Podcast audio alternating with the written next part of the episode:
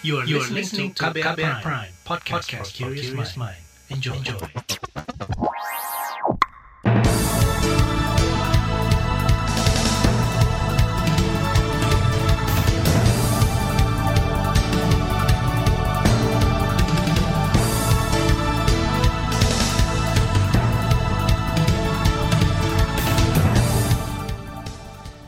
Selamat pagi saudara, senang sekali kami bisa menjumpai Anda kembali melalui program Buletin Pagi edisi Rabu 26 Oktober 2022 bersama saya Naomi Liandra. Sejumlah informasi pilihan telah kami siapkan, di antaranya kinerja pengawasan Badan POM dinilai buruk. Presiden Jokowi optimistis upacara 17 Agustusan tahun depan di IKN. Pesawat kargo tergelincir di Papua. Dan inilah Buletin Pagi selengkapnya terbaru di Buletin Pagi. Lembaga Ombudsman RI memaparkan lima potensi maladministrasi yang dilakukan BPOM terkait kasus penyakit ginjal akut anak. Anggota Ombudsman RI, Robert Na Endi Jaweng menyebut potensi maladministrasi yang dilakukan BPOM khususnya pada sisi pengawasan, misalnya proses sebelum obat diedarkan dan setelah obat beredar. Badan POM tidak maksimal melakukan pengawasan terhadap produk yang diuji oleh perusahaan farmasi. Dengan mekanisme uji mandiri, seolah-olah kepada perusahaan itu diberikan kewenangan negara untuk melakukan pengujian tanpa kontrol yang kuat dari Badan POM yang kami temukan mekanismenya itu justru adalah uji mandiri dilakukan oleh e, perusahaan farmasi dan baru kemudian mereka melaporkan kepada Badan POM. Jadi Badan POM terkesan pasif.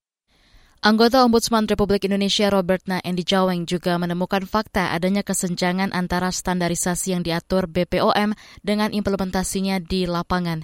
Contohnya penggunaan senyawa produk yang melampaui batas sehingga beracun dan mengakibatkan penyakit ginjal akut mematikan. BPOM juga dinilai tidak maksimal memverifikasi produk sebelum penerbitan izin edar. Bahkan sesudah obat diedarkan pun penerbitan izin juga tidak ditindaklanjuti dengan pengawasan. Saudara, kewenangan Badan Pengawas Obat dan Makanan BPOM minimal ada tiga hal. Berdasarkan pasal 4 Peraturan Presiden tentang BPOM, kewenangan itu adalah menerbitkan izin edar produk obat, melakukan intelijen dan penyidikan di bidang pengawasan obat, serta memberi sanksi administratif. Sayangnya, banyak pihak saat ini menilai kewenangan BPOM dalam melakukan pengawasan obat dinilai buruk. Sementara itu, Badan Pengawas Obat dan Makanan BPOM berjanji akan meningkatkan pengawasan kepada sirup obat penyebab ginjal akut. Kepala BPOM Penny Lukito menjelaskan, pengawasan itu meliputi pengawasan sebelum dan sesudah peredaran obat. Tapi Penny juga menekankan beberapa ketentuan kepada industri produsen obat sirup.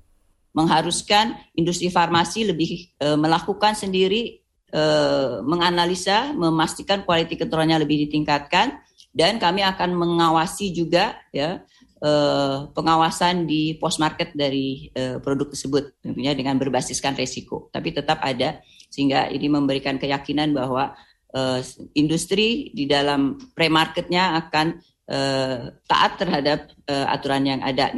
Kepala BPOM Penny Lukito juga mengingatkan bila produsen mengubah bahan baku atau membeli dari sumber lain, maka perusahaan farmasi tersebut harus melakukan uji mandiri dan mendaftarkannya lagi ke BPOM. Kalangan DPR menilai kinerja pengawasan BPOM sangat buruk terkait peredaran obat sirup mengandung etilen dan dietilen glikol yang diduga mengakibatkan penyakit ginjal akut. Anggota Komisi Bidang Kesehatan DPR Kurniasi Mufidayati menuntut pertanggungjawaban BPOM terkait buruknya kinerja pengawasan itu. Kalau kemudian BPOM menjelaskan mengandung kandungan A, B, C, D, ya pertanyaan berikutnya ke mana aja pengawasan BPOM. Jadi saya rasa kekhawatiran masyarakat ini sangat wajar dan kami juga meminta pertanggungjawaban dari BPOM. Nah kemudian ketika hari ini ada statement dari Ombudsman, saya kira itu kan lembaga yang punya hak dan punya wewenang ya, Mas ya. Jadi uh, mungkin pastinya uh, memiliki bukti-bukti ataupun memiliki indikasi-indikasi yang sesuai dengan SOP dari ombudsman-nya sendiri. Anggota Komisi Bidang Kesehatan DPR Kurniasih Mufidayati menambahkan BPOM seharusnya punya standar operasi dan prosedur dalam mengawasi secara berkala dan kontinu bahan baku obat-obatan termasuk senyawa campuran yang digunakan kalangan produsen obat. Yayasan Lembaga Konsumen Indonesia YLKI sepakat dengan pernyataan Ombudsman RI terkait potensi maladministrasi BPOM terkait pengawasan obat dalam kasus penyakit ginjal akut. Pengurus harian YLKI Agus Suyatno menilai BPOM harus bertanggung jawab karena lalai mengawasi obat sebelum dan sesudah beredar. Kini YLKI sedang mengupayakan gugatan class action konsumen tindak ke ranah hukum bisa dilakukan kalau di dalam undang-undang perlindungan konsumen dijamin adanya class action. Ini bisa dilakukan uh, oleh uh, kelompok masyarakat atau individu yang uh, dirugikan akibat dari uh, konsumsi tersebut. Ini bisa ke uh, pelaku usahanya, kemudian juga uh, dalam hal ini uh, turut turut bertanggung jawab adalah Badan POM dan Kementerian Kesehatan. Jadi pada saat ini juga YLKI sedang membuka uh, aduan bagi masyarakat yang ingin melakukan class action. Uh, kami sedang membuka akses, sedang mengumpulkan data, dan sedang mengorganisir uh, konsumen yang akan melakukan class action.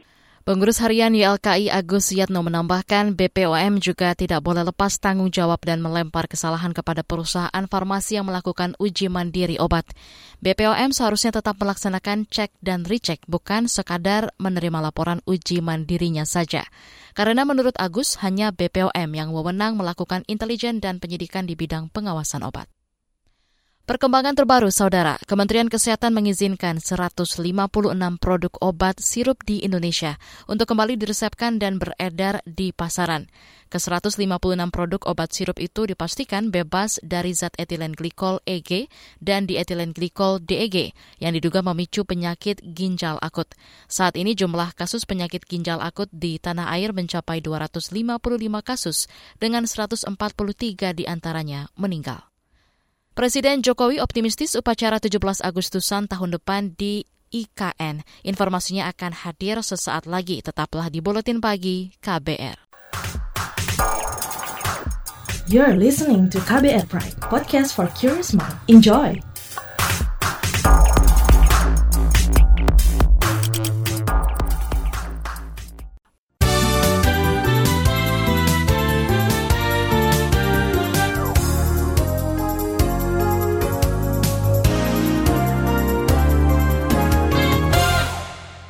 Anda sedang mendengarkan buletin pagi KBR. Presiden Joko Widodo kemarin meninjau pembangunan infrastruktur kawasan Ibu Kota Nusantara atau IKN di Kabupaten Penajam Pasir Utara, Kalimantan Timur. Presiden mengklaim pembangunan infrastruktur seperti bendungan, pengembangan lahan, serta akses jalan berjalan dengan baik. Pengembangan lahan untuk area perkantoran Presiden, Wakil Presiden, dan Kementerian juga sudah dipersiapkan. Ya nanti bisa kita lihat di bulan Januari Insya Allah kalau bukan hanya gedung-gedungnya pemerintah, tetapi private sektor, sektor swasta, investor, PPP sudah mulai pada masuk dan mulai. Ini yang nanti akan menggeliatkan eh, IKN betul-betul sebagai uh, pusat pertumbuhan ekonomi baru dan kita harapkan ini terus bergerak. Presiden Jokowi menambahkan pelabuhan di wilayah IKN juga akan dikembangkan untuk transportasi publik. Rencana itu disampaikan Jokowi usai melewati jalur laut yang akan menjadi wilayah transportasi logistik ke IKN. Presiden optimistis upacara peringatan Hari Ulang Tahun Kemerdekaan Republik Indonesia tahun depan dapat digelar di IKN. Menko Polhukam Mahfud MD menyambut baik pertemuan MPR sedunia dari anggota Organisasi Kerjasama Islam OKI serta Liga Muslim Dunia di Bandung, Jawa Barat. Situasi saat ini menurut Mahfud menetapkan dunia yang dinamis dengan berbagai tantangan yang perlu dihadapi termasuk pandemi dan pemulihan ekonomi. Pertemuan ini tentu diharapkan dapat berkontribusi terutama mengingat peran dan posisi saudara-saudara sebagai pimpinan dan anggota parlemen atau MPR tentunya dapat memberikan pemikiran atas solusi berbagai tantangan yang kita hadapi di negara kita masing-masing. Itu tadi Menko Polhukam Mahfud MD. Sementara itu, Ketua MPR Bambang Susatyo menjelaskan gagasan pembentukan Forum Lembaga MPR Majelis Euro atau nama sejenis lainnya dari negara-negara anggota OKI sudah dimulai sejak tiga tahun lalu. Kita beralih ke berita selanjutnya. Pengacara keluarga mendiang Brigadir Yosua Kamarudin Simanjuntak mengungkapkan dugaan perencanaan pembunuhan sudah dipersiapkan sejak di Magelang, Jawa Tengah. Perencanaan pembunuhan dilakukan pasca cekcok antara Verdi Sambo dan istrinya Putri Chandrawati. Kamarudin menjadi satu dari 12 saksi sidang atas terdakwa Barada Eliezer di Pengadilan Negeri Jakarta Selatan kemarin. Pertengkarannya informasinya karena wanita. Karena wanita, ya. oke. Terus apa kaitannya dengan perkara pembunuhan ini? Perkara ini kaitannya adalah bahwa diduga almarhum sebagai pemberi informasi kepada Ibu PC. Itu yang kami dapat. Almarhum pemberi informasi. Informasi kepada apa yang diberikan? Informasi oleh... bahwa si bapak ada wanitanya kan begitu. Itu. Karena informasi kami dapat mereka ini sudah pisah rumah. Uh, Ibu PC tinggal di rumah Saguling, sementara bapak itu tinggal di Jalan Bangka, rumah Jalan Bangka. Itu tadi pengacara keluarga mendiang Brigadir Yosua Kamarudin Simanjuntak. Sidang perkara pembunuhan berencana dengan terdakwa Ferdi Sambo, Putri Chandrawati, Riki Rizal Wibowo, dan Kuat Ma'ruf akan dilaksanakan hari ini dengan agenda putusan sela. Kita beralih ke berita ekonomi. Penyaluran bantuan subsidi upah atau BSU tahap 6 telah mencapai lebih dari 71 persen atau sekitar 5,5 triliun rupiah. Masing-masing penerima BSU mendapat 600 ribu rupiah. Menteri Ketenagakerjaan Ida Fauziah mengatakan, total anggaran yang disiapkan mencapai 8,8 triliun rupiah dengan total penerima 12,8 juta jiwa. Subsidi upah ini sudah melalui tahap yang ke-6 tahap ke-6 itu kami salurkan semuanya melalui eh, bank-bank uh, himbara. Kalau tahap 6 itu totalnya sudah 71,64 persen.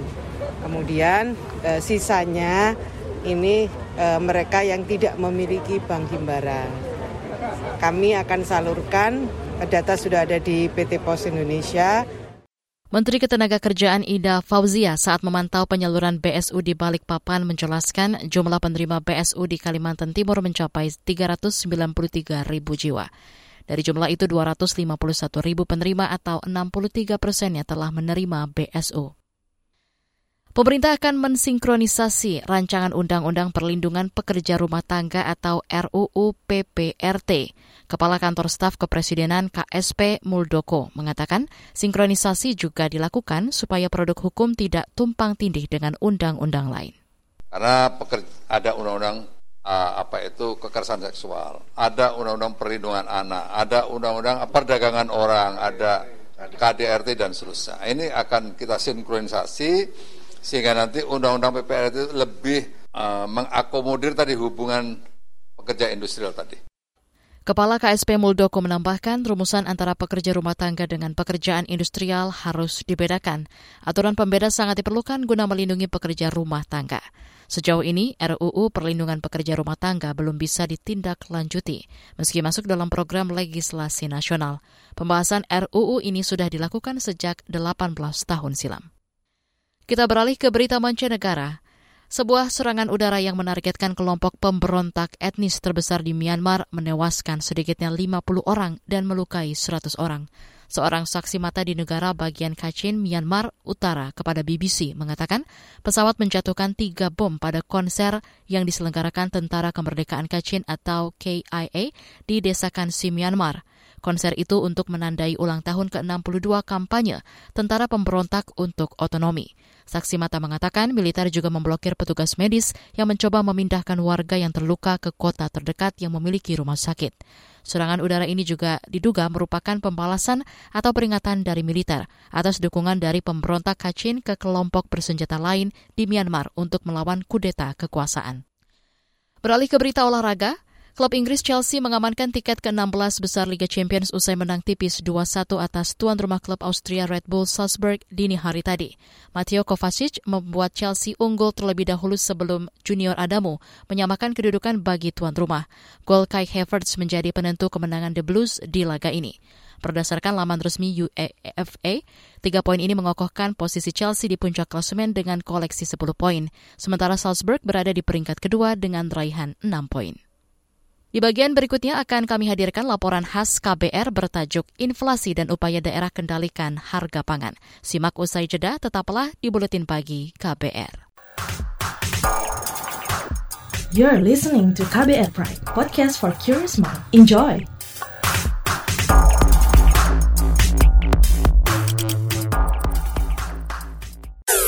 Commercial break.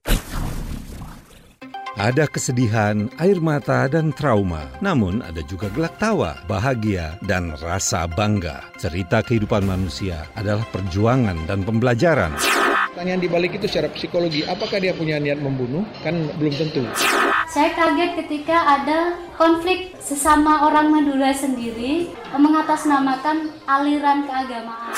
Sejak itu, warga Syiah harus mengungsi sampai sekarang. Untuk kehidupan saya pada waktu itu aja nggak menentu kan. Boro-boro mikirin untuk perpustakaan gitu.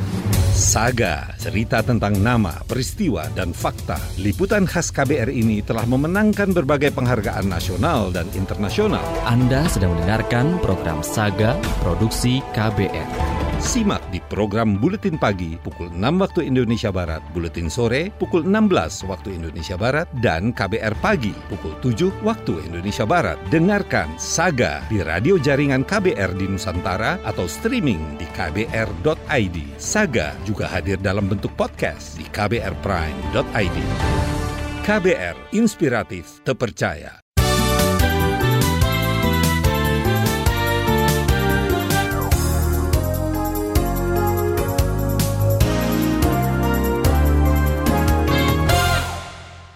Anda masih bersama kami di Buletin Pagi KBR.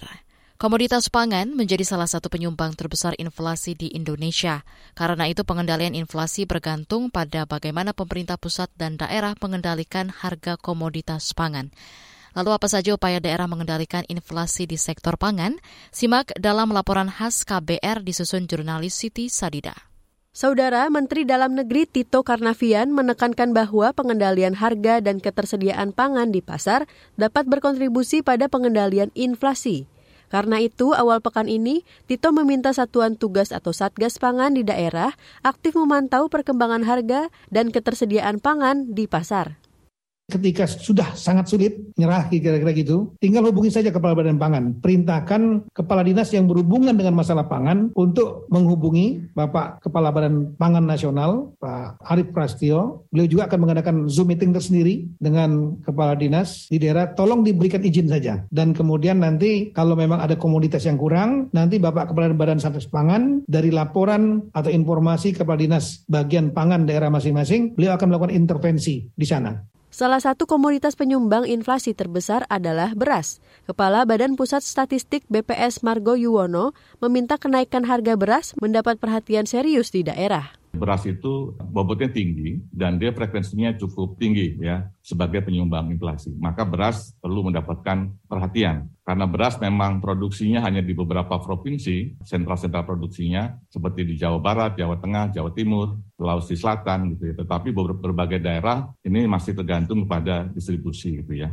Berbagai daerah segera merespon masukan itu. Salah satunya pemerintah Kabupaten Toli-Toli, Sulawesi Tengah, Asisten 2 Pemda Kabupaten Toli-Toli di bidang ekonomi dan pembangunan Nur Munawar mengklaim daerahnya telah mengambil sejumlah langkah untuk mengendalikan inflasi penyumbang inflasi di Toli-Toli adalah di sektor tanaman pangan juga cabai dan bawang. Nah ini juga sampaikan ke dinas teknis terkait dalam hal ini tanaman pangan dan hortikultura untuk melakukan beberapa hal yang pertama terkait dengan ketersediaan bahan pangan, kemudian keterjangkauan harga, kemudian distribusi, dan yang keempat akses dengan daerah lainnya bermitra atau MOU dengan dinas lain atau kabupaten lain yang bisa kita mensuplai kekurangan bahan pangan kita di Toli-Toli. Langkah penanganan inflasi juga ditempuh pemerintah kota Bengkulu. Asisten 2 Setda Kota Bengkulu Saipul Apandi mengatakan salah satu upaya daerah adalah mendorong masyarakat memproduksi komoditas pangan secara mandiri demi menjaga stabilitas inflasi. Kita untuk Provinsi Bengkulu di angka 5,59 kategori baik ya, Alhamdulillah. Nah, untuk kota, kota Bengkulu sendiri sudah berapa antisipasi yang kita lakukan antara lain yaitu bersinergi dengan Bank BI untuk memberikan kegiatan ke pasar murah yang kita lakukan.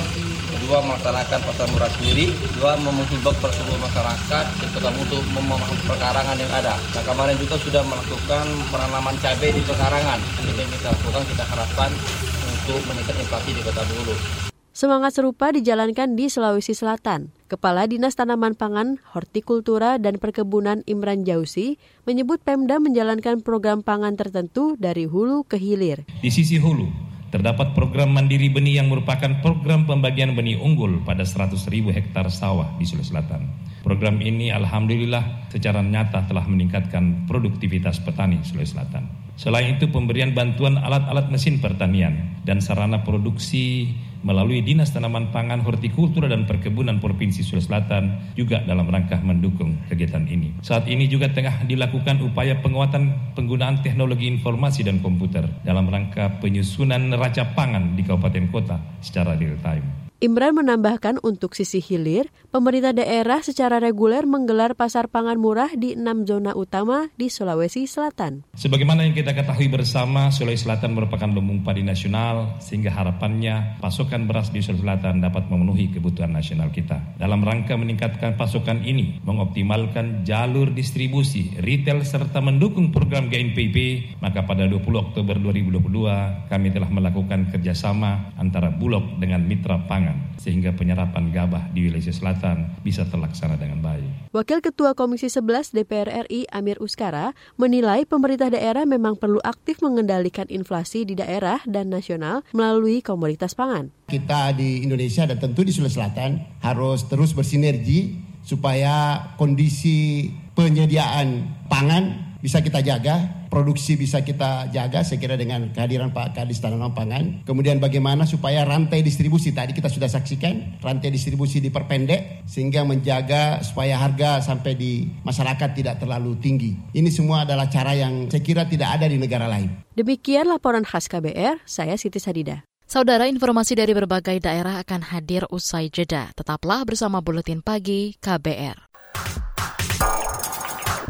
You're listening to KBR Pride, podcast for curious mind. Enjoy!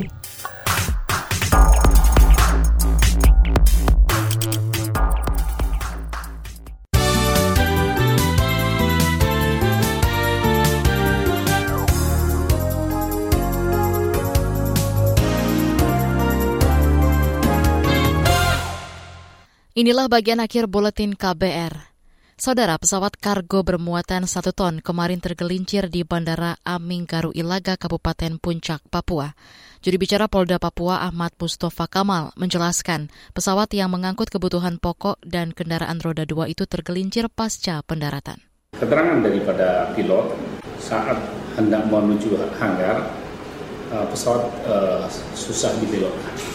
Ya, akhirnya dia nyampe ujung uh, landasan terus kemudian uh, ke bawah itu ya yang mengakibatkan uh, pesawat rusak uh, di bagian bawah.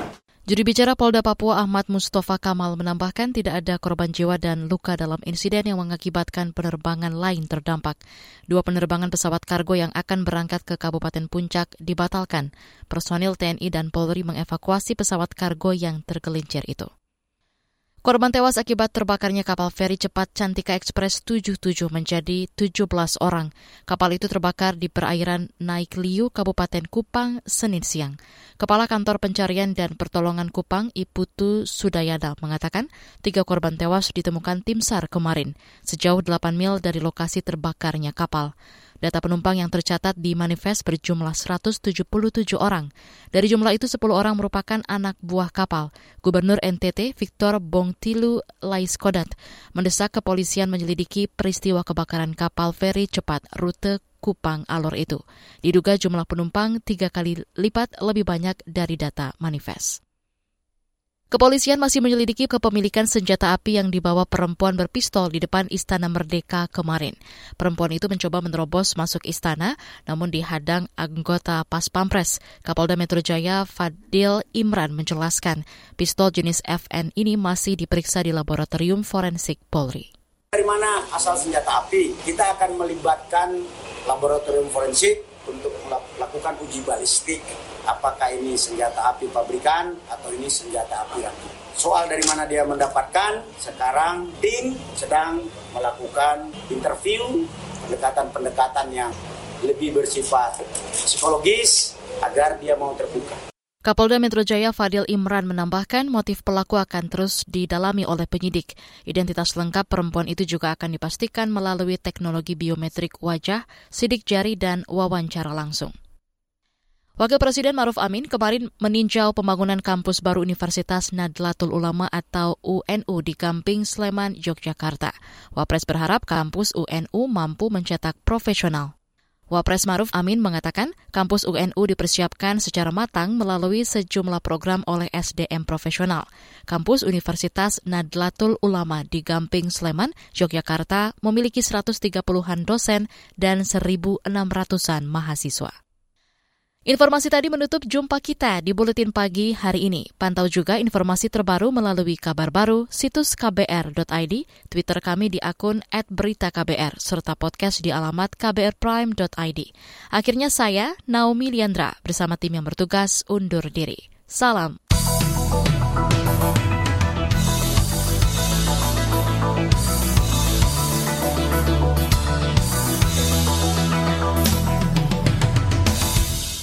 KBR Prime, cara asik mendengar berita. KBR Prime, podcast for curious mind.